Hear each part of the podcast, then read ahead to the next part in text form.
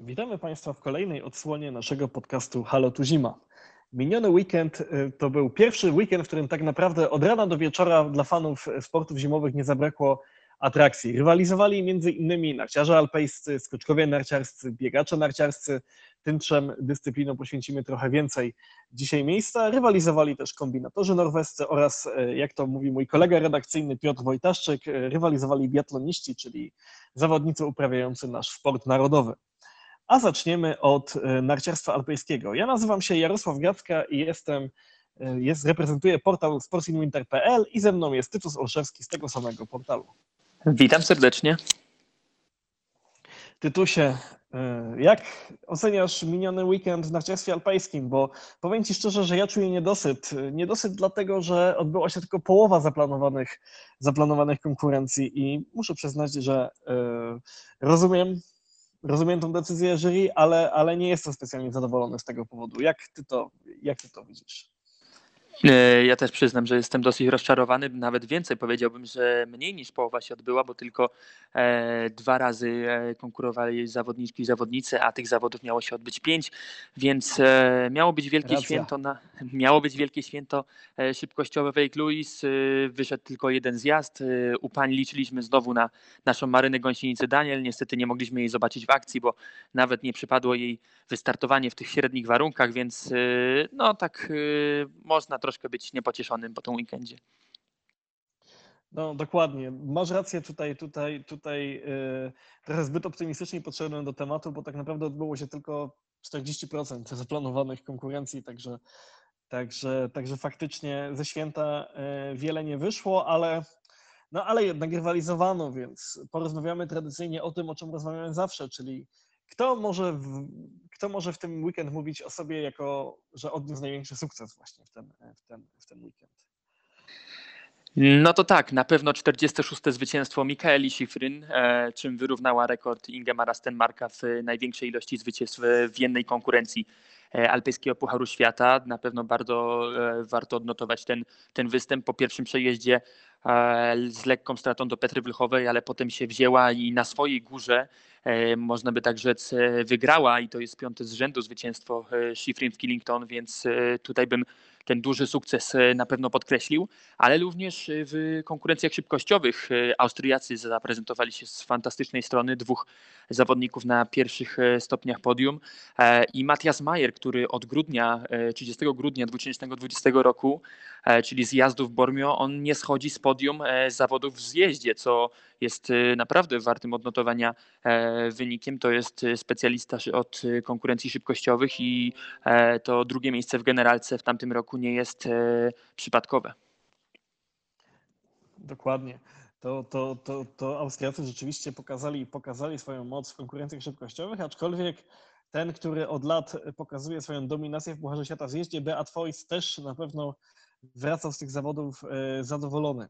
Ja wśród e, sukcesów też chciałbym wyróżnić e, Petrę Wlchową, która jest dalej w wielkiej formie. Była, przegrała tylko w Schifrin i to przegrała po, przez to, że popełniła dość, dość brzydki błąd. No i Wendy Holdener, która zbiera te swoje podia w slalomie i może kiedyś się doczeka zwycięstwa. To czeka się, myślisz, Tytusie? No, przy tej konkurencji jest, jest ciężko. To cały czas jest wspominane, że Holtner jeszcze nie miała okazji do zwycięstwa w slalomie, ale konkurując z Lechową i Schifrin, zwłaszcza w takiej formie, jakiej są teraz, e, może być ciężko, no ale kto wie, przecież zawsze w slalom e, jakiś, jakiś błąd może się przydarzyć. Tak, może, może jej się to wreszcie uda. To znaczy ona, jakby tak popatrzeć dokładnie na, na klasyfikację slalomową, to ona figuruje jako zwyciężczyni slalomu, z tym, że to był tak naprawdę paralel, więc to się tak liczyło do klasyfikacji, ale nie liczyło się to do, no, do, do slalomów. To jest takie dość, e, dość, dość dziwne dla, dla tych, którzy tworzą tę tabelę, tabelę wszechczasów. A co Cię najbardziej rozczarowało? Bo mnie najbardziej rozczarowało to, o czym już mówiliśmy, że że odbyło się tylko 40% y, zaplanowanych zawodów, ale czy któryś zawodnik lub zawodniczka Cię jakoś szczególnie ten, szczególnie tutaj zawiódł? E, to tak, Już, e, już mówię, jak to u pań wyglądało. Według mnie e, Michel Gizin, 11 miejsce tak poniżej, myślę, i możliwości Martina Dubowska, też 18 pozycja. Te obie zawodniczki nas e, przyzwyczaiły do miejsc w czołówce, do bycia w tej dziesiątce, więc tutaj może niekoniecznie dobrze im poszło. Też chciałbym zwrócić uwagę na to, że zawodniczki, które w Lewi odniosły sukces, które jechały z dalszymi numerami, to znaczy Emma Eicher i Naja Dwornik, Tutaj e, na tym cięższym stoku i powiedziałbym przy cięższych warunkach e, już nie, nie podołały, e, co nie znaczy, że są słabymi zawodniczkami, tylko jeszcze ta forma i to doświadczenie w obyciu w Pucharze Świata myślę musi nadejść, ale dalej wypunktowałbym słabe Włoszki, bo przecież jedyną punktującą slalomie była gigancistka Brynione, co jest no, dosyć przewrotne, że Włosi nie mają dobrej slalomistki, a w nawiązaniu do mężczyzn, no to słaby Paris, który skończył na ósmym miejscu. Wiadomo, że no, ósemka fajnie, ale no,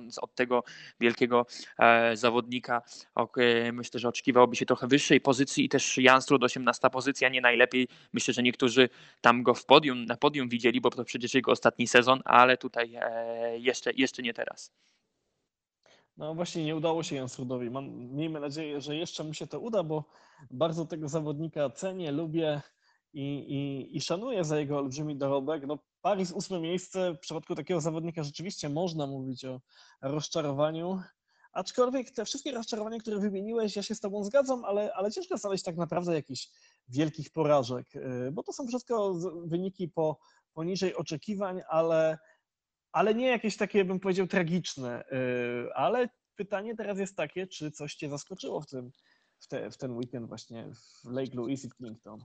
Oj tak, w Killington naprawdę niezwykle miłe zaskoczenie. Hanna Aronson-Elfman, czyli ta 18-letnia Szwedka. Tak. E, ja tylko powiem, że to jest zwyciężczyni e, ubiegłorocznych Mistrzostw Świata Juniorów w Gigancie i ona w Pucharze Świata startuje tak naprawdę dopiero od połowy zeszłego sezonu, e, a w tym sezonie już punktowała w Zelden, a tutaj to, co pokazała Skillington, czyli startując z 60 numerem po już no, zniszczonej trasie, awansowała jako 28, a później jeszcze do tego wykorzystała e, ten atut dobrych warunków i awansowała na 15 pozycję z drugim czasem. Uległa tak naprawdę tutaj tylko Mikaeli Schifrin, więc e, myślę, że to jest przyszłość dla tego szwedzkiego narciarstwa, które ma, ma te slalomistki powiedzmy w czołówce, ale nie ma, nie ma tego samego, co Frida Hansdotter kiedyś prezentowała, czyli e, tych stałych podiów, więc może kiedyś e, się doczekamy, że Elfman e, tutaj będzie w czołowej trójce, więc to jedno z tych zaskoczeń. A drugie, no to Maria Tereset Fiber, która w końcu poskładała te dwa przejazdy e, i tak. startując z odległym numerem, bo 31 e, skończyła na ósmym miejscu, więc ja tutaj jestem tak można powiedzieć, troszkę zadowolony, bo no żal mi jej było po tych zawodach w Lewi, gdzie fajnie atakowała, ale w drugim przejeździe no, coś, coś jej tam nie, nie, po, nie poszło. No tak, właśnie jak Fiberg znowu świetnie przejechała pierwszy przejazd, to sobie tak pomyślałem, że już by do trzech razy sztuka i to się jej faktycznie udało. No Aronson Elfman to naprawdę był, był niezły wyczyn i tej zawodniczce się będziemy na pewno, na pewno przyglądać. Tutaj jeszcze te parę minut, które nam zostało, chciałbym tytusie zostawić specjalnie dla Ciebie, bo Ty śledziłeś, co się dzisiaj działa w Pucharze Europy, prawda? A działo się wiele. E, tak jest. E, dzisiaj przeniesiony drugi gigant, e, ponieważ wczoraj miał się odbyć, ale niestety warunki pogodowe niezbyt sprzyjały. Hipach austriackie, tam stalą gigant, dwie nasze reprezentantki.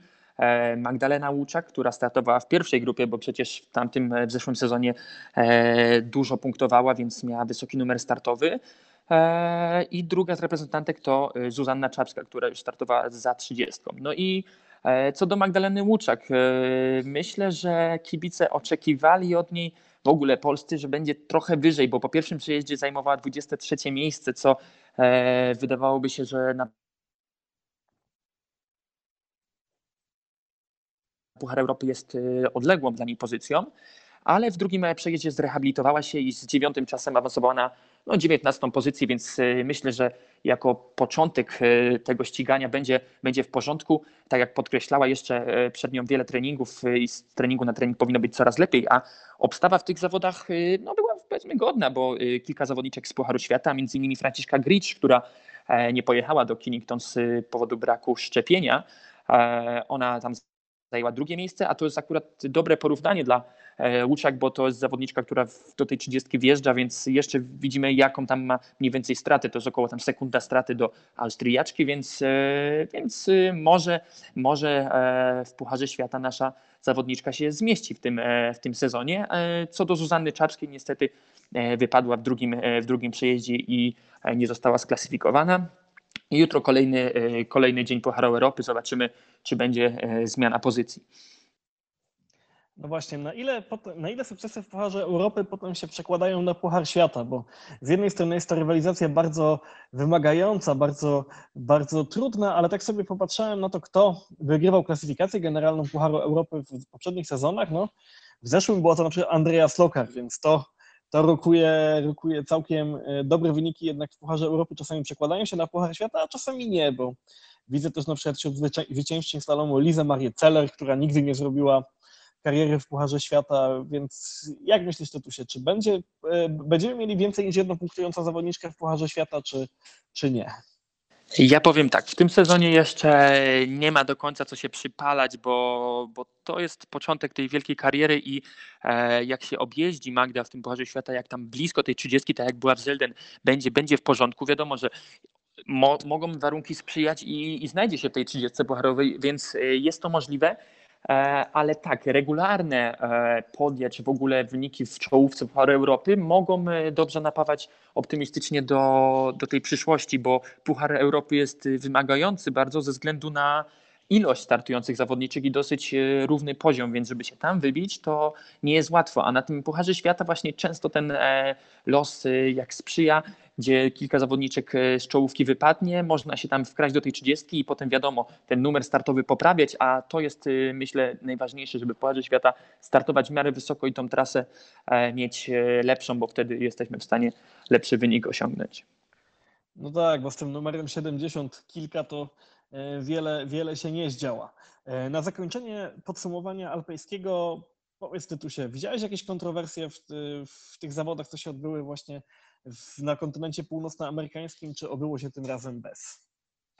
E, ja przyznam, że dostrzegłem pewne kontrowersje. Myślę, że z, głównie ze względu na fakt, że Maryna Gąsienica-Daniel, która startuje tylko powiedzmy w gigantach, te supergiganty czasem dokłada, ale tutaj miała w planie tylko pojechanie e, gigant w Killington. Ona przyjechała i tak naprawdę wraca z niczym. I uważam, że ten kalendarz FIS na zawody w Ameryce za oceanem nie do końca jest przemyślany, ponieważ powinny być takie bloki, że na przykład dwa giganty, dwa slalomy, żeby ci zawodnicy, którzy jeżdżą jedną konkurencję, mieli po co tak naprawdę przyjechać w wypadku, kiedy te warunki są nierówne, a wtedy dochodzą koszty, oni wracają e, może niezadowoleni, bez punktów, bo nie mieli nawet okazji wystartować i e, Maryna nie jest jedyną zawodniczką, która e, tak naprawdę została poszkodowana, więc to jest rzecz, nad którą FIS powinien się pochylić, bo jechać, lecieć tak daleko, E, to, to jest y, duże, duże, że tak powiem, wyrzeczenie, więc y, ten czas można byłoby poświęcić równie dobrze na trening. Dlatego uważam, że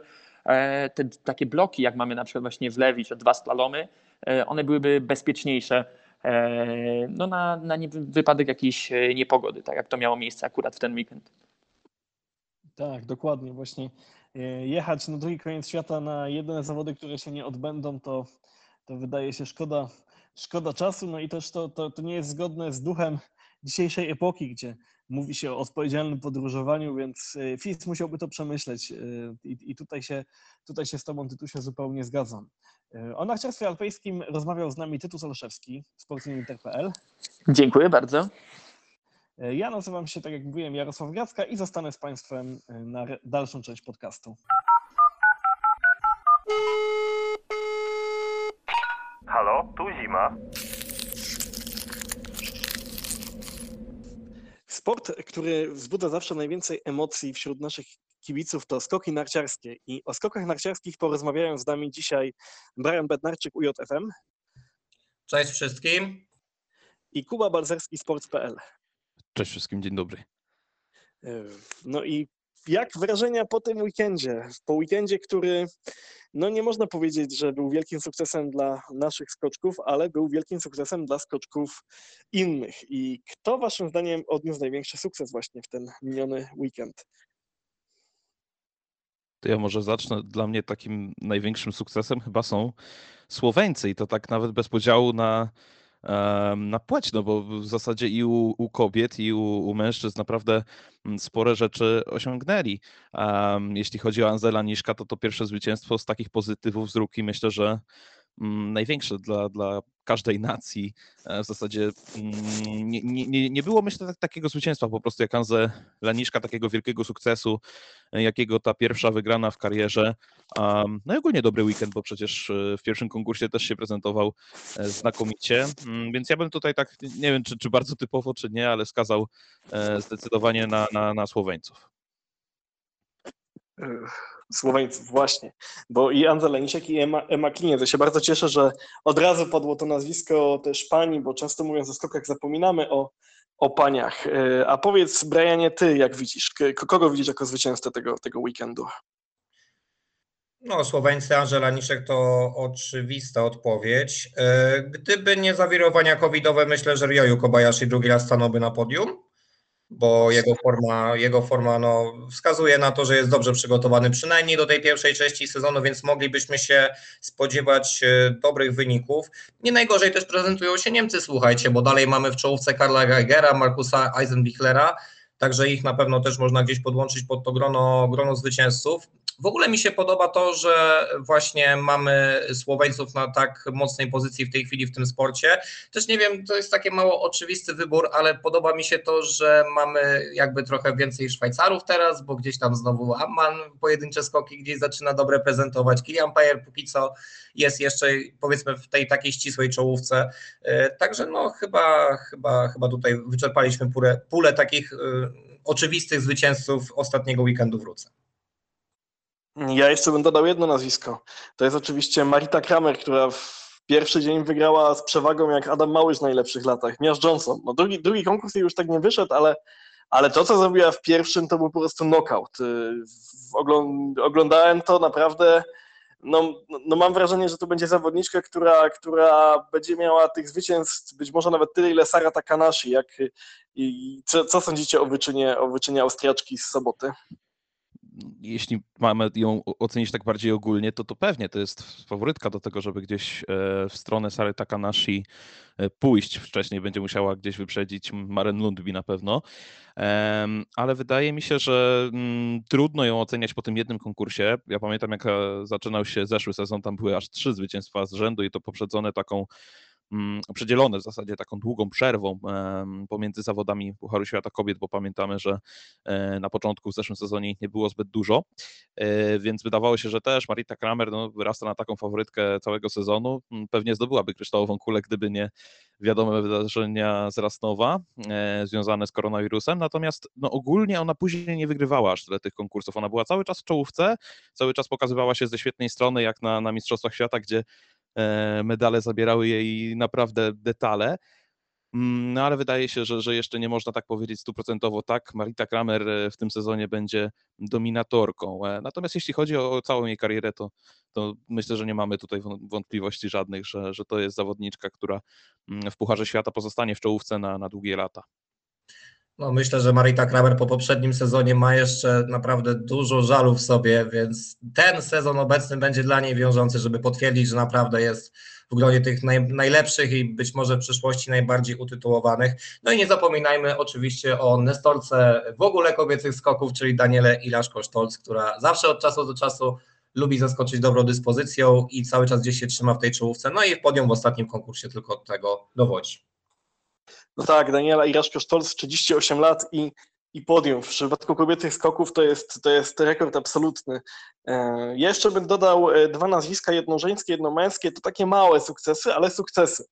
Pierwsze punkty Niki Preutz, mm, bo jako czwartej z rodzeństwa po trzech starszych braciach e, i ona wreszcie, wreszcie, to jest bardzo młoda zawodniczka, zdobyła punkty. No i oczywiście nowy ulubieniec polskiej publiczności, czyli Fatih Arda Itcioglu, który znowu przeszedł przez kwalifikacje i i myślę, że się tego pierwszego punktu doczeka. Doczeka się, myślicie, tego punktu, czy, czy nie doczeka? Zależy gdzie, prawda? No, je- jeśli będą jakieś troszeczkę mniej obsadzone zawody, e, to być może tak, ale no, dochodzą nasz e, wiadomości, że, że z Sapporo może być różnie. Um, a w pozostałych, zresztą tam w Sapporo były trzy konkursy zapowiedziane, więc um, no raczej ciężko byłoby, żeby tam ktoś nie pojechał. Um, tam raczej by się rzeczywiście zawodnicy zjawiali, e, jeśli chcą powalczyć w ogóle o, o jakąś lepszą pozycję w Pucharze Świata. Myślę, że musi wskoczyć jeszcze na taki jeden poziom wyżej, albo no, liczyć trochę na szczęście związane z warunkami.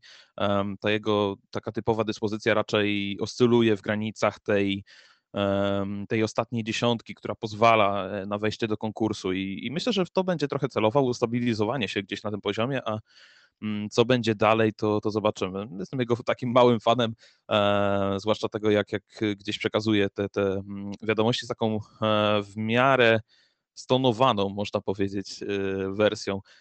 Co prawda w mediach gdzieś tam się przebiło, że, że powiedział coś o olimpijskim medalu, ale mam wrażenie, że tureccy dziennikarze sobie lubią wiele dopowiedzieć. No, to, to, to, to, to chyba, chyba żartował. No, nie, nie sądzę, żeby mówił to poważnie. Wiadomo, że każdy, każdy zawodnik ma w sobie buławę medalisty, ale, ale, ale bez przesady. Y, przejdźmy w tym momencie do rozczarowań, a tych niestety też nie brakowało. Y, może ty zaczniesz, Brianie, co cię tak rozczarowało właśnie, właśnie w, ten, w ten weekend skokowy? Chyba dla nas wszystkich dalej forma Polaków odbiega od naszych oczekiwań, odbiega od oczekiwania y, trenera Doleżala. Więc e, jak najbardziej tutaj myślę, że naszą reprezentację całą tak naprawdę można wskazać jako takie dosyć duże rozczarowanie całego początku sezonu, chociaż oczywiście no, do turnieju czterech skoczni mamy jeszcze trochę i gdzieś mam taką nadzieję, że w pobliżu skoków e, w Oberstdorfie i Garmisch-Parten e, gdzieś to się wszystko ustabilizuje, ale no w tej chwili naprawdę nie mamy się z czego cieszyć. E, wspomniałeś o Ipcioglu. Przypomnijmy, że Stefan Hula do tej pory jakoś nie może, nie może e, zakwalifikować się do konkursu, co jest tylko dowodem na to, że jednak e, zabieramy tych naszych wszystkich zawodników, a oni niestety no, nie dają tego poziomu sportowego.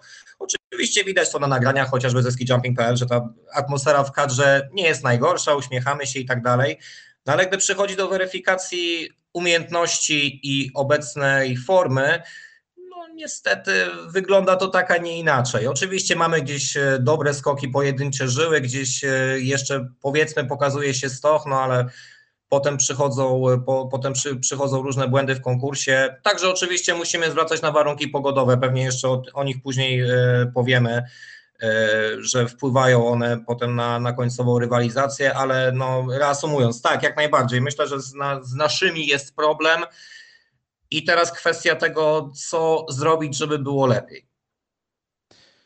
To ja bym wskazał, y, skoro Brian poszedł bardziej w stronę takiego ogółu polskiej kadry, e, to dla mnie takim największym rozczarowaniem, e, no poza tymi niepunktującymi zawodniki, zawodnikami, poza przede wszystkim Stefanem Hulą, ja bym wyróżnił Dawida Kubackiego, bo no, to jest spory zjazd jednak, tak z czołówki Pucharu Świata do, trzech konkursów, serii trzech konkursów, w których nie punktował, od y, nicznego tagiłu tego drugiego konkursu do mm, drugiego konkursu wrócę. E, no, od sześciu lat tak źle nie było, jeśli chodzi o Dawida Kubackiego i wydaje mi się, że, że tutaj jest wyraźna, wyraźny taki regres formy e, związany i, i z problemami z timingiem, ale Adam Małysz zwrócił uwagę na to, że przede wszystkim z pozycją w locie, e, która znowu zaczyna wyglądać tak bardzo pionowo, Dawid nastawia się na to, że wyjdzie w górę e, wysoko i utrzyma gdzieś tę wysokość do, do samego rozmiaru skoczni, a mm, często tak niestety nie było wrócę. E, ja bym dodał spoza polskiego podwórka oczywiście Halvora Egnera Graneruda, bo, bo tam błędy też się nawarstwiły. O tak. E, zderzały się e, narty ze sobą po, po wyjściu z progu. Te wyjścia z progu były nierówne. Nazywają to mm, Norwegowie, jakby to tak tłumaczyć na polski, to taką górką po progu. On po prostu bardzo chce szybko położyć się na narty i mm, popełnia szybki, taki techniczny błąd dzięki któremu po prostu zalicza e, momentami bóle. E, no i wydaje się, że, że ten, ten Granerud był takim rozczarowaniem największym, no bo poza, mm, poza nim tak naprawdę z tej czołówki e, większość zawodników gdzieś się ustabilizowało, zwłaszcza jak, jak Brian wcześniej zwrócił uwagę na Niemców. Tam to wszystko jakoś idzie do przodu, natomiast do cała reprezentacja Norwegii w zasadzie z małymi wyjątkami gdzieś tam w niedzielę E, zaliczyła spory regres formy i ma przed sobą duży problem. Ja się z Wami zgadzam zupełnie. Polacy i gra, Granerud to też są dla mnie właśnie główne typy do miana rozczarowań weekendu. Mm, tutaj czas nas trochę goni, więc przejdźmy do kontrowersji, a tych nie brakowało. I te kontrowersje były, myślę, najbardziej związane z, w ogóle z tym, co się teraz dzieje na świecie.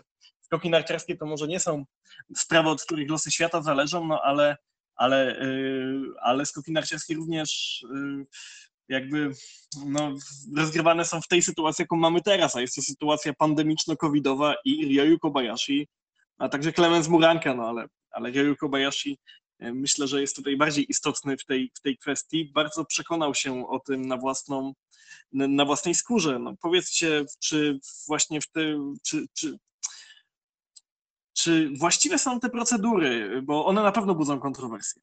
Kuba, może ty zacznij. Głęboko gdzieś w tej sprawie siedzieliśmy sobie na Twitterze i, i z portalem Local Ski Jumping Results i, i z Piotrkiem Majszakiem i tam Mateusz Lelem widziałem, że też się włączył. A wyszło nam z tego tyle, że najprawdopodobniej błąd popełnił tutaj japoński sztab, który trochę źle e, ocenił, kiedy ten test należało zrobić, bo nawet jeśli nie już w Wiśle, bo tu trzeba zaznaczyć, że Ryoyu Kobayashi dostał ten pozytywny wynik przed drugim konkursem wrócę, czym się załatwił na 10 dni, bo fińskie prawo nie respektuje tego, żeby E, gdzieś ten test powtarzać, a przynajmniej tak mówi się Kobayashiemu, bo tam już widziałem, że, że są odpowiedzi, że jednak się da, no ale nie chcą pozwolić na ten e, drugi test, który mógłby pokazać, że, że wynik e, PCR był po prostu niewłaściwy. No i co dalej? No, Ryu Kobayashi zostaje sobie wrócę, nie będzie go, już wiemy, że, że nie będzie go w Wiśle, chyba że coś sobie wywalczy w międzyczasie. Natomiast no, błąd popełnia japoński sztab, bo chce go testować przed wylotem do Wisły, zamiast zrobić to na miejscu, e, tudzież dzień po konkursie, kiedy tego czasu operacyjnego na działania jest zdecydowanie więcej, no bo w razie wpadki po prostu pojawi się mm, taki okres dwóch, trzech dni, kiedy można do tych lokalnych autorytetów się odnieść, kiedy można trochę poszukać rozwiązań. Tymczasem no ja mam wrażenie, że e, japoński sztab go już w ogóle zupełnie opuścił, bo Ryoyu Kobayashi częściej patrzy na polskiego Twittera i szuka gdzieś wsparcia w polskich kibicach, którzy tłumaczą mu tam zasady postępowania z koronawirusem w Finlandii, e, niż e, no, ucieka się gdzieś tam do japońskiego sztabu i, i, pyta, czy on może coś zrobić w związku z tym, co mu się przydarzyło, z tym pozytywnym wynikiem. Jeśli chodzi o te procedury, według mnie, jeśli chodzi o FIS, no tutaj akurat dużego błędu nie było, no bo to, to był dodatkowy test zrobiony przez japoński sztab pod kątem wylotu, odebrania akredytacji, udziału w ogóle w mm, tym weekendzie Pucharu Świata w Wiśle. No, Japończycy są święcie przekonani, że oni nie mogą wlecieć do kraju takiego jak Polska, gdzie nie ma kwarantanny dla e, osób spoza e, Unii Europejskiej. E, są te słynne paszporty covidowe, a one są rzeczywiście dla państw członkowskich Unii, natomiast no jest też taka reguła dla osób spoza tej strefy Schengen i E, tam można pokazać tak naprawdę dowolne zaświadczenie. Nie musi to być e, paszport covidowy, po prostu certyfikat szczepienia e, przeciwko COVID-19. No i w ten sposób do kraju wlecieć, uniknąć kwarantanny, wziąć udział w zawodach. Nie, nie potrzeba nawet testu. Co więcej, Kobayashi przechorował już COVID-19, więc ma ten okres tak zwany ochronny. No, ma przeciwciała, więc może po prostu wlatywać do tych krajów i nie mieć dodatkowej kwarantanny, nawet jeśli nie ma negatywnego negatywnego wyniku e, testu czy też e, poświadczenia szczepienia. E, więc to się z tego zrobiła potężnie trudna sprawa. W zasadzie mm, tam Local Ski Jumping Results też widziałem, że podawali, że, że to też jest taki wynik jednej sprawy jeszcze sprzed sezonu, że FIS po prostu robi testy na koronawirusa w momencie, kiedy zawodnicy są zaszczepieni. I być może to jest jakiś błąd, bo, bo FIS starał się po prostu wskazać, że tego nie będzie od tego sezonu, że to zniknie e, po tym pierwszym pandemicznym sezonie, kiedy to ewidentnie momentami e, nie wypalało już pod koniec, więc no cóż, trudno to tak naprawdę ocenić. Wydaje mi się, że największy błąd tutaj popełnia japoński sztab. Gdzieś wina FIS-u też w tym delikatnie leży, ale już nie jest tak duża jak na przykład przy zamieszaniu e, z Klemensem Murańką w Oberstdorfie. Dziękuję Kuba, że bardzo nam to, bardzo nam, naszym słuchaczom to naświetliłeś. Szczerze mówiąc, pewne rzeczy, o których mówiłeś też dla mnie były, były nowością, bo, e, bo faktycznie sztab japoński nie zdał egzaminu z organizacji. E, jako, że, jako, że Twoja odpowiedź była bardzo wyczerpująca, to, to może Brianie przejdźmy teraz do, zaskoczeń, bo tutaj, tutaj chyba, że masz coś jeszcze do dodania, jeśli chodzi o te kontrowersje, aczkolwiek, aczkolwiek myślę, że Kuba wyczerpał temat. Jak to, jak to wygląda? Jakie masz zdanie na ten temat? Nie będę się za bardzo nad tym rozwlekał, e, jeśli chodzi o um, przepisy. Natomiast e, zwyczajnie pod kątem sportowym to na pewno duży cios dla Kobayashiego, który gdzieś tam cały czas się odbudowuje, patrząc też w, w kontekście poprzedniego sezonu, jak to wyglądało z jego dyspozycją, e, gdzie tak naprawdę już no, po zwycięskim konkursie no, od razu dostaje, dostaje dosyć, dosyć dużego kopa, niestety. I no, Bardziej mi szkoda względem jego kolejnych startów w najbliższych konkursach, no bo wiadomo, że chcemy jak najwięcej zawodników oglądać w dobrej dyspozycji, dzięki którym no, dostarcza się tej dyscyplinie kolorytu. Dobrze powiedziane. E, to jeszcze zapytam Was, zaskoczył Was ktoś ten weekend? E, może zacznij, Brianie? Dla mnie takim pozytywnym zaskoczeniem było to, że Laniszek poradził sobie na tej zimnej skoczni tam na górze i po kilkunastu minutach stania oddał naprawdę dobry skok. W ogóle sytuacja gdzieś w drugiej, w drugiej serii drugiego konkursu bardzo się mm, wymknęła spod kontroli, chociaż oczywiście no, potem, potem konkurs został rozegrany, ale bardziej mi chodzi o to, że przez te, przez te zawirowania wiatru jednak pamiętam tę sytuację Dawida Kubackiego przez Mistrzostw e, Świata z konkursu drużynowego, gdzie zdobyliśmy złoty medal, że no miał bardzo podobną sytuację, także rozumiem doskonale ból zawodnika, gdzie musi tam stać i marznąć i czekać, dopóki mu sedlak nie zapali tego zielonego światła, więc e, ja oglądając ten konkurs byłem przekonany, że on sobie nie poradzi, a on sobie poradził bardzo dobrze, więc e, względem tych pozytywnych zaskoczeń i w ogóle zaskoczeń ja bym właśnie wskazał tutaj Laniszka i jego dobry skok, jego ostatni skok wrócę.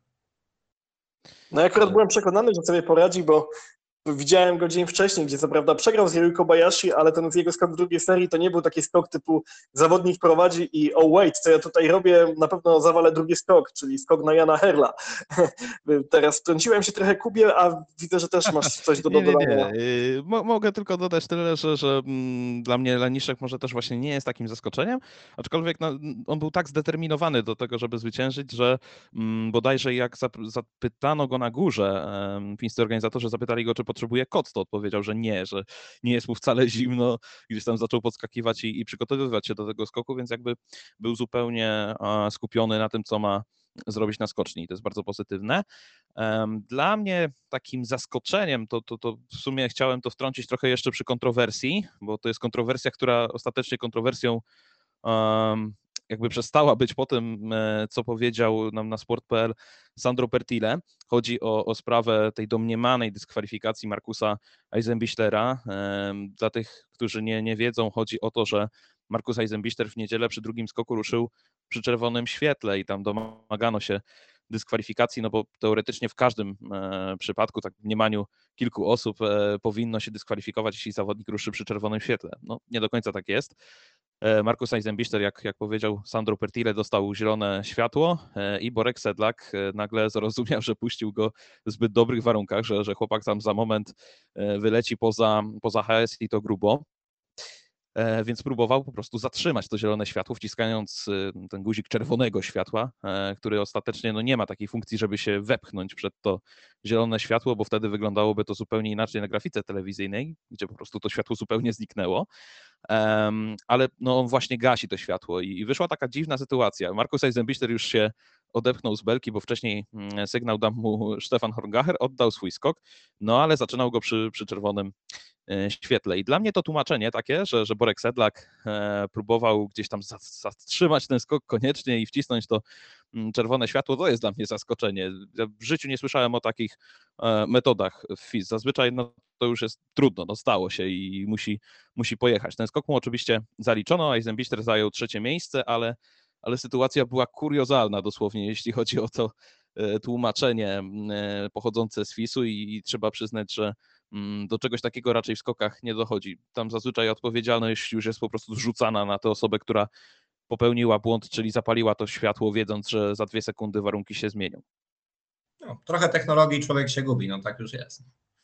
O, to mnie trochę zaskoczyłeś, bo gdzieś tam przeoczyłem tę kontrowersję, a smakowita, że tak powiem, to anegdota, no wynika z tego, że Borek, yy, Borek zaspał, tak? Tak, Trochę trochę przed zaspał przy tym- przy tym zielonym świetle, tak. No, chciał zareagować najwyraźniej, ale, ale mówię, zazwyczaj chyba znamy go z takich szybkich działań albo właśnie w drugą stronę, że, że raczej mm, już to, co zrobi, no to, to tyle. No, są kons- konsekwencje z tego, ale, ale jakby nikt nie próbuje temu jakiś sposób zaradzić, więc no, to, to jest trochę dziwne dla mnie. To tłumaczenie w ogóle Sandro Pertile, mimo że, że mi to przesłał, to, to tak trochę staram się w to y, wątpić jeszcze i tak nie do końca wierzę.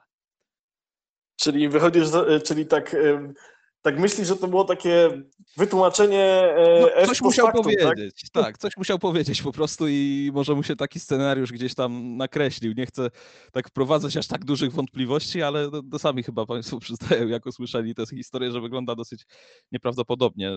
No, raczej po prostu gdzieś to, to światło zostało, nie wiem, czy, czy przez jakiś błąd, czy może po prostu się wyłączyło. No w każdym razie to, to wyglądało dla mnie bardziej tak, jakby minął ten czas do, do żółtego światła, bo oni czekali ponad 30 sekund z tym skokiem Eisenbichlera, czeka się łącznie 40 zawsze, e, więc wyglądało mi to jakby, jakby to światło po prostu mm, zielone się nie zapaliło, pokazało tylko w grafice telewizyjnej, a minął ten czas od żółtego światła, no i wtedy zawodnik musiałby opuścić pelkę e, startową.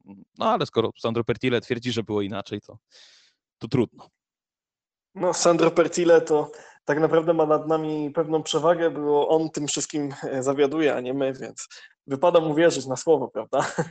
Tak, no, no pod tym kątem tak. A swoje umysły mamy, ale, ale wiadomo, że, że, że Sandro Pertile ma dostęp i do tych raportów, i do, do osób. E, Ja go pytałem, czy, czy mógłby ktoś wytłumaczyć, kto po prostu był na tej wieży, czyli albo Iwo Greger, czyli delegat techniczny, albo, albo Borek Sedlak, no ale Sandro Pertile stwierdził, że, że lepiej zrobi to sam. No i tak, y, i tak pewnie wielu z nas nie wiedziało o, o tego typu możliwościach, a tak zawsze jesteśmy bogatsi o, o nową wiedzę.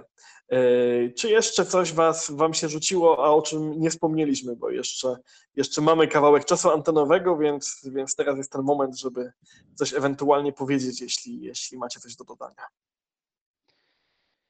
W zasadzie trzeba też spojrzeć trochę na przyszłość, moim zdaniem. Em, Polscy zawodnicy, bo tak ogólnie powiedzieliśmy, że, że no to jest cały czas rozczarowanie, bo jest. Jeśli chodzi o wyniki, tu się nic nie zmieniło.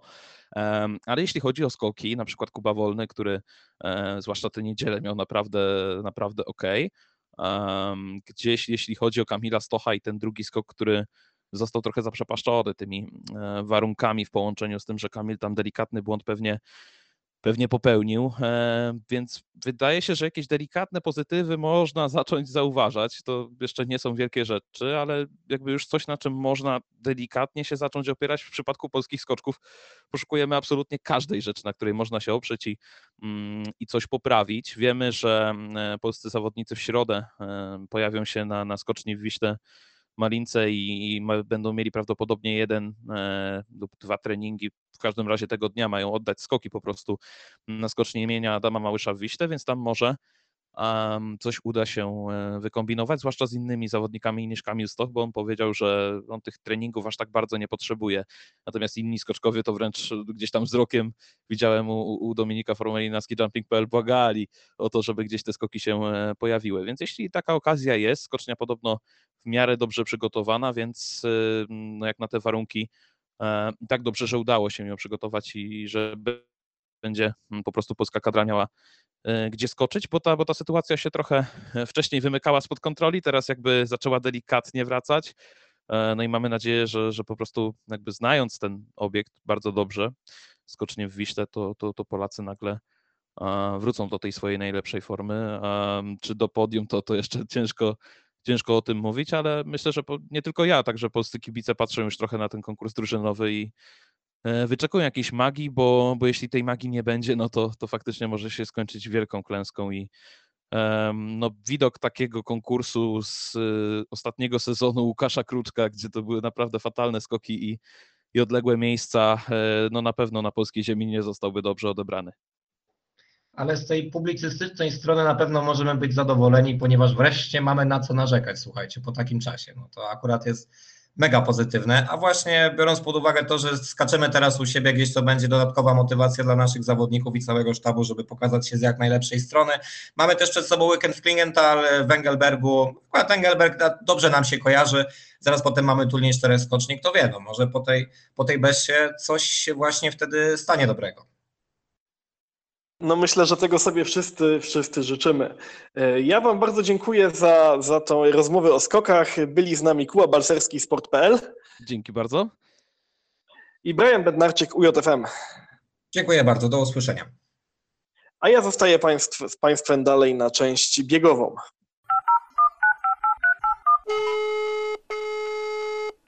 Halo, tu Zima. W ten weekend rywalizowali po raz pierwszy biegacze w fińskiej Ruce. I o tym, co się działo, porozmawia ze mną Mateusz Król z sportinwinter.pl. Cześć, witam serdecznie. Halo. Jest z nami też Mateusz Wasiewski, również sportinwinter.pl. Witam. Y, No i mamy za sobą pierwszy weekend. Rywalizacja Wruka Triple i ta rywalizacja, no, muszę przyznać, że była bardzo ciekawa, zarówno obfitowała w pewne wydarzenia kontrowersyjne, jak i w pewne zaskoczenia, ale zacznijmy od tego, kto w tej ruce wrócił y, starczą, czyli kto odniósł największy sukces. I może ty zacznij, Mateuszu, królu pierwszy. Okej, okej. Zaczynamy od króla, tak? E, nie, tak chciałbym powiedzieć, że, że absolutnie się zgadzam, ale z drugiej strony myślałem sobie w trakcie tego weekendu, o, że, że dzieje się coś, co często widzimy w trakcie sezonów olimpijskich. Nie wiem, czy się wy ze mną zgodzicie, że nagle zaczynają się e, przynajmniej pojawiać nazwiska, które starają się tej Norwegii zaszkodzić, a w ten weekend mieliśmy to w sposób wybitny, bo moim zdaniem Norwegia, o czym pewnie będziemy mówić później, nie ma za sobą najlepszego weekendu, bo właściwie przegrywała na, na każdym kroku w tej rywalizacji, chyba tylko Jochałk się obroniła. Więc ch- chciałbym powiedzieć, że tutaj reszta świata kontra Norwegia 1 do 0. Tak bym to określił, bo jeśli chodzi o nazwiska, to nazwisk jest kilka i nie wiem, czy Jarosławie chodzi Ci o to, aby już mówić o tych nazwiskach do sukcesów, tak? Jeśli chodzi...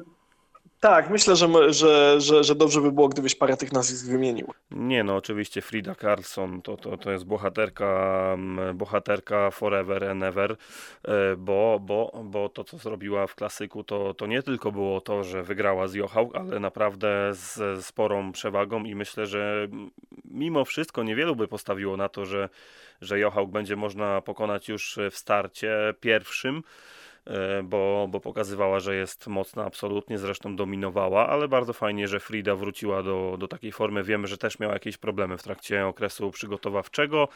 Um, Oki można powiedzieć fajnie, że Niskanen w klasyku pokazał, że jeszcze może wygrywać z najlepszymi. No jeśli chodzi o, o sukces, to, to jeszcze Katarina Henning w tym biegu na 10 km klasykiem, e, a kolejne nazwiska zapewne e, mój wspaniały kolega będzie jeszcze wymieniał. Tak jest. Ja, ja tu bym chciał zwrócić uwagę na Aleksandra Terentie, Terentiewa. E, no bo facet tylko po, bie, po biegu w piątek e, e, wywalczył do klasyfikacji aż 115 punktów. Co w ogóle no zwycięstwo, zwycięstwo Rosjanina, ja powiem szczerze, nawet po kwalifikacjach nie, nie brałem za, e, za takie realne, no bo jednak to o, oczywiście mówiło się o nim, że jest to zdolny junior, e, że jest to osoba, która może się w przyszłości liczyć w walce nawet o podia Pucharu, e, Pucharu Świata, no ale to, co on wyprawiał na trasie sprintu w piątek, no moje oczekiwania totalnie to, to przerosło. On był bardzo mocny od, od samych eliminacji, które wygrał i za które zainkasował 15 punktów, co jest też nowością e, w- e, w zawodach najwyższej rangi e, od tego sezonu, że za e, wygraną w kwalifikacjach i potem za 10 albo 15 miejsc, ja nie jestem pewien, jak to tam wygląda dokładnie, ale w każdym razie on za wygraną w kwalifikacjach e, zdobył 15 punktów, no a potem i ćwierćfinał, i półfinał rewelacyjny, no a finał to po prostu była jakaś miazga, no bo to, co on zrobił na podbiegu ostatnim i jak pogodził Walnesa e, oraz Klebo, no coś, coś wspaniałego. Także dla mnie e, oprócz e, wspomnianych przez Ciebie Mateusz wcześniej postaci tutaj zdecydowanie e, Terentiew był e, taką, e, taką, taką najjaśniejszą postacią po, w pierwszym weekendzie sezonu. Y, mówiliśmy o sukcesach, a teraz zapytam Was, kto w takim razie y, najbardziej przegrał w ten, w ten weekend i dlaczego? Y, Mati, może teraz, mając, że tak powiem, dobre flow, zacznij tą kategorię. E, no, bardzo blisko było e, sensacji, e, jeżeli chodzi o Klebo, bo on, on wszedł do finału dopiero z czwartego miejsca w półfinale i tam naprawdę no niewiele zabrakło i byśmy mieli, e, nie, nie mielibyśmy właściwie Norwega w, e, finale, co e, na przestrzeni jego całego, całej kariery byłoby, no nie wiem, no mega wpadką. Jeżeli on nie awansował do półfinału, to tylko wtedy, do finału, to tylko wtedy, gdy w półfinale się przewrócił, gdzie, gdy była jakaś tam sytuacja z drugim zawodnikiem, tak jak na przykład kiedyś z Ustiugowem, bodajże w Lillehammer, a tak, no to wiadomo, on albo był pierwszy, albo ewentualnie drugi. E, no ale jednak udało się, jednak e, ta pasa pierwszych i drugich miejsc została podtrzymana. E, natomiast jeżeli chodzi o takie postacie, które, no, które zawiodły,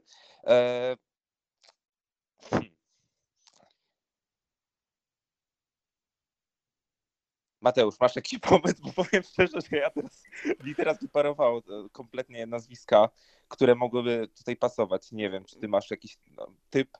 Na, Nazw na, nazwiska może nie, natomiast e, dzieje się coś, e, na co niektórzy kibice czekali. Nie wiem, może za szybko wyciągam takie wnioski, ale patrzę sobie na biegi dystansowe kobiet. E, dzieje się coś, co od jakiegoś czasu działo się w sprintach, czyli Norweżki zaczęły, jakby przestały się liczyć, a tu na dystansie mieliśmy tylko w obu biegach tylko dwie Norweżki w dziesiątce i ja uważam, że to jest klapa totalna. Jak na taki a, naród, tak, tak. To, to jest po prostu fajnie, że, znaczy fajnie, dla nich fajnie, że obie stanęły na podium w biegu pościgowym i Heidi i Johauk. Później no wiemy dlaczego tak się stało, że nie było innych, bo pewnie będziemy o tym mówić przy kontrowersjach, natomiast wygląda to nie najlepiej w ich wykonaniu. Jeśli chodzi o, o facetów, to no to właściwie każdy bieg przegrali, w którym startowali i też nie jest, to nie jest y, jak najbardziej dobre, a to sezon igrzysk. Nie wiem, czy zaczęli z jakimś falstartem, czy, czy, czy dzieje się tutaj coś po prostu niedobrego i jakieś wnioski będziemy z tego wyciągać w kolejne, na kolejne biegi. No zobaczymy, jak będzie w Lillehammer u nich. No, ja, ja, się, ja się z tym zupełnie zgadzam, bo tu nawet u facetów e, w biegu dystansowym klasykiem najwyżej sklasyfikowanym zawodnikiem był czwarty Walnes. Walnes, który no, jest typem sprintera. On całkiem nieźle biega, co prawda, dystanse, no ale jednak e, no, no, to sporo mówi, że to Walnes jest najlepszym zawodnikiem u nich na dystansie, a taki Simon Kruger e, dobiegł do mety jako 74 zawodnik, co jest no, mega wpadką. I ogólnie Norwegowie byli, myślę, że tłem do wydarzeń e, na tle Szwedek i na tle poszczególnych osób, które, które były w czołówce i które były dużo bardziej zauważalne niż właśnie Norwegowie. Tak, to, to, to, to, to trzeba przyznać, że, że Norwegowie nie, nie pokazali tego, co zwykle, zwykle byli, zwykli byli to robić. E, I teraz powiedzcie mi, czy właśnie, przechodząc do kontrowersji, moim zdaniem wielką kontrowersją było to, co Norwegowie, no i Niskanen też, zrobili w biegu pościgowym w ostatni dzień, czyli wycofali się z trasy, podczas gdy zawodnicy z innych krajów rywalizowali.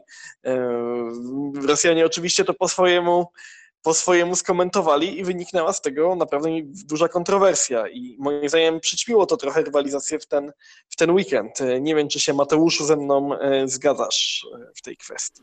To znaczy Norwegowie po tym, co zrobili w zeszłym sezonie, kiedy wycofali się z zawodów przez pandemię koronawirusa, absolutnie nie zaskakują mnie takim podejściem do sytuacji i powiem szczerze, że ja bym jak najbardziej ich krytykował i przychylam się do zdania Rosjan, którzy tak ostro ich skrytykowali jak najbardziej, bo rzeczywiście no, to nawet nie trzeba sięgać jakoś daleko pamięcią, wydaje mi się, bo mróz wrócę to nie jest nic zaskakującego i no w zasadzie no dziwię im się. Oczywiście wiemy, że, bo pamiętam w tamtym roku taką sytuację, gdzieś zawody niższej rangi i chyba w Szwecji y, mróz był jeszcze większy i wiem, że tam po odmrażane palce były i u stóp wiem, że tam groziło nawet amputacją, ale tu chyba nie było aż takich temperatur, żeby groziło coś takiego. Wiemy, że, że Frida Karlsson chociażby spodnie musiała spalić, żeby się rozgrzać y, po biegu, ale wydaje mi się, że dało się to e, przejść. No i niestety Norwegowie wyszli tutaj na mięczaków.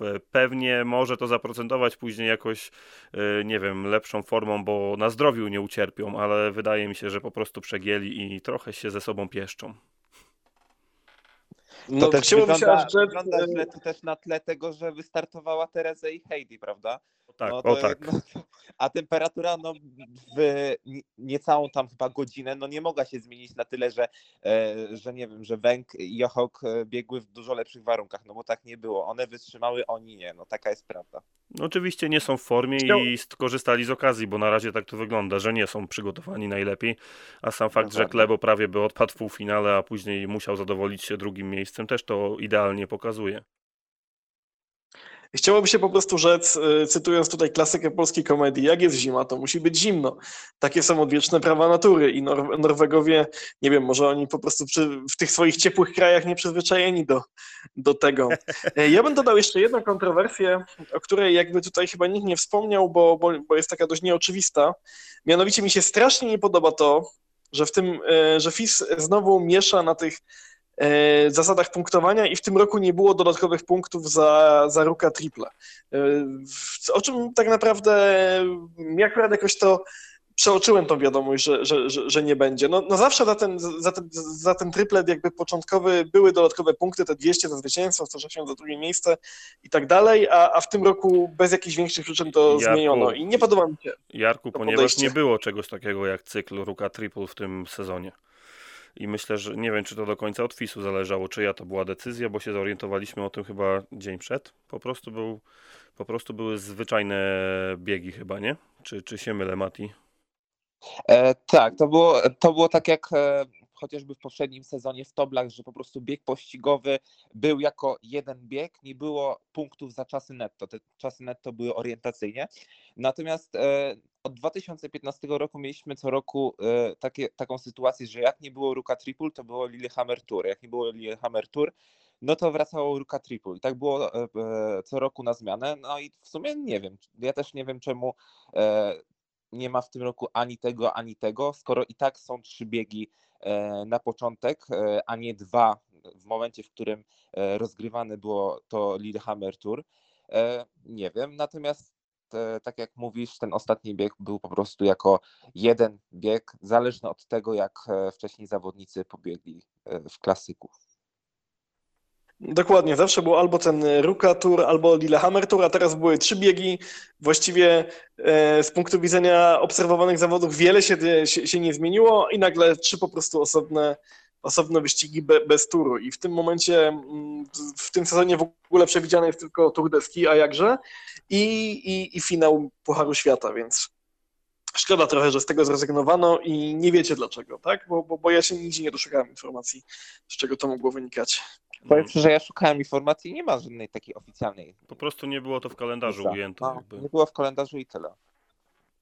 A Aha, też wiemy, że po prostu- Finowie, Finowie nie stoją najlepiej, jeśli chodzi o, o finanse, a wydaje mi się, że to ten cały tour wiązał się z jakimiś większymi gratyfikacjami, ale nie, nie dam sobie głowy za to uciąć. No tak, jak nie wiadomo o co Za chodzi. wygraną była tam jakaś dodatkowa nagroda na pewno. No jak nie wiadomo o co chodzi, to zawsze chodzi po prostu o, o pieniądze. No. Zostało nam jeszcze ostatnia kategoria, czyli zaskoczenie. Tutaj była mowa o Terentiewie, była mowa o Fridzie Carson. Czy ktoś jeszcze was zaskoczył właśnie w ten, w ten No ja weekend? bym, tutaj, ja bym tutaj też e, właśnie jako zaskoczenie, ale też jako taką rewelację e, sezonu, a konkretnie niedzieli wskazał Michała Nowaka. E, No bo człowiek super spisywał się na trasie w niedzielę. Myślę, że nawet gdyby Norwegowie pobiegli, to on i tak byłby w czołowej dziesiątce, a e, no on dotrzymywał kroku Rosjanom praktycznie do samego końca. Można powiedzieć, że do końca, bo w pewnym momencie Rosjanie się po prostu zatrzymali i on zdo, e, zdołał odrobić stratę kilku sekund. Natomiast cały bieg trzymał się ich. Rosjan było kilku, on był sam.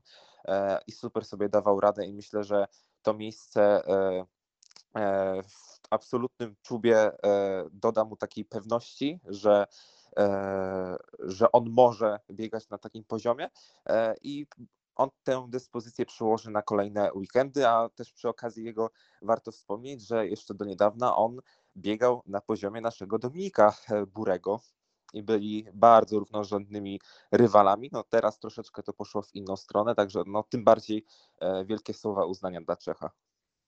Jak najbardziej Tak. pisz, pisząc na, na grupie o tym, że, że żebyśmy porozmawiali na pewno o zaskoczeniach, to miałem na myśli Michała Nowaka. Tych zaskoczeń, jeśli rzecz jasna mogę, jest trochę więcej, bo ja na przykład jestem zaskoczony mega super postawą Kanadyjczyków tej reprezentacji, y, która tam naprawdę dość licznie punktowała, przynajmniej w tym biegu ostatnim weekendu, jeśli chodzi o mężczyzn.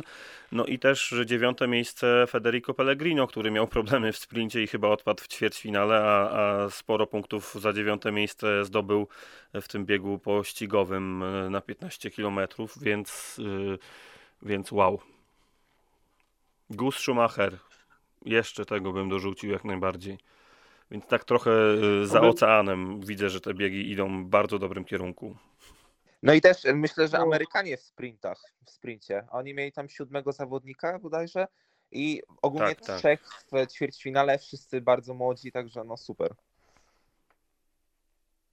Tak, tutaj naprawdę, naprawdę jeśli chodzi o wyniki tego, co się dzieje, y, o, o to, co się dzieje za, za oceanem, te wyniki tych zawodników z USA i Kanady, to, to rzeczywiście budzi, budzi respekt. Ja jeszcze chciałbym pochwalić, że udało się e, Pol, i zarówno Polakom, i zarówno Polkom e, znaleźć się na liście punktujących, także zauważyliśmy to, bardzo chwalimy i czekamy na, na więcej, prawda? Ja bym jeszcze tu dorzucił, że bardzo się cieszę z postawy Kristy Parmakowskiej, która w ostatnich sezonach sprawiała u mnie w głowie wrażenie takiej, która już nie wróci do, do bardzo dobrej formy, chociaż gdzieś w tej czołówce szerokiej się kręciła, to tu blisko podium była w obu biegach i, i myślę, że Finowie oprócz Iwoni Skanena e, u siebie na, na 15 km klasykiem na igrzyskach e, liczą pewnie na to, że Krista się odpali i pokaże chociażby taką formę, jak pokazywała w 17 roku, czy, czy jeszcze na igrzyskach w Pjongczangu. Oby tak było. No i, no i myślę, że też Finowie będą mogli liczyć na sprinty drużynowe, bo jak e,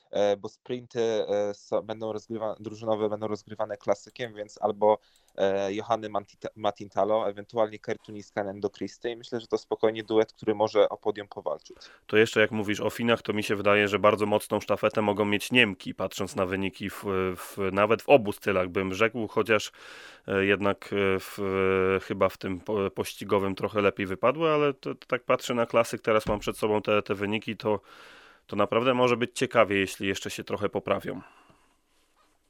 Zdecydowanie, tak. tak. Czeka nas niewątpliwie jeszcze nie, ciekawa rywalizacja. A o biegach narciarskich rozmawiali z nami dzisiaj Mateusz Król Dzięki bardzo. i Mateusz Wasiewski. Dziękuję bardzo. Obaj z portalu sportsiuinter.pl.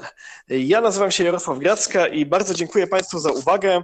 E, Oczywiście odnotowaliśmy, że rywalizowali w, tym, w ten weekend także kombinatorzy norwescy. Tutaj chciałem y, pochwalić Jarda Magnusa Ribera, który wygrał zarówno w piątek, jak i w niedzielę, natomiast w sobotę nie wystąpił ze względu na dyskwalifikację w skokach narciarskich. Także Christiana Livesa z Estonii, który był bardzo blisko podium, ale o kombinacji porozmawiamy za mm, kiedy indziej. Podobnie jak o naszym sporcie narodowym biatlonie, kiedy porozmawiamy wtedy, kiedy skończą się, skończą się już zawody w Estersund, bo na razie dopiero się zaczęły i w następny weekend y, poświęcimy biatlonowi więcej czasu. Dziękuję Państwu i proszę nas słuchać także i w przyszłym tygodniu. Halo, tu zima.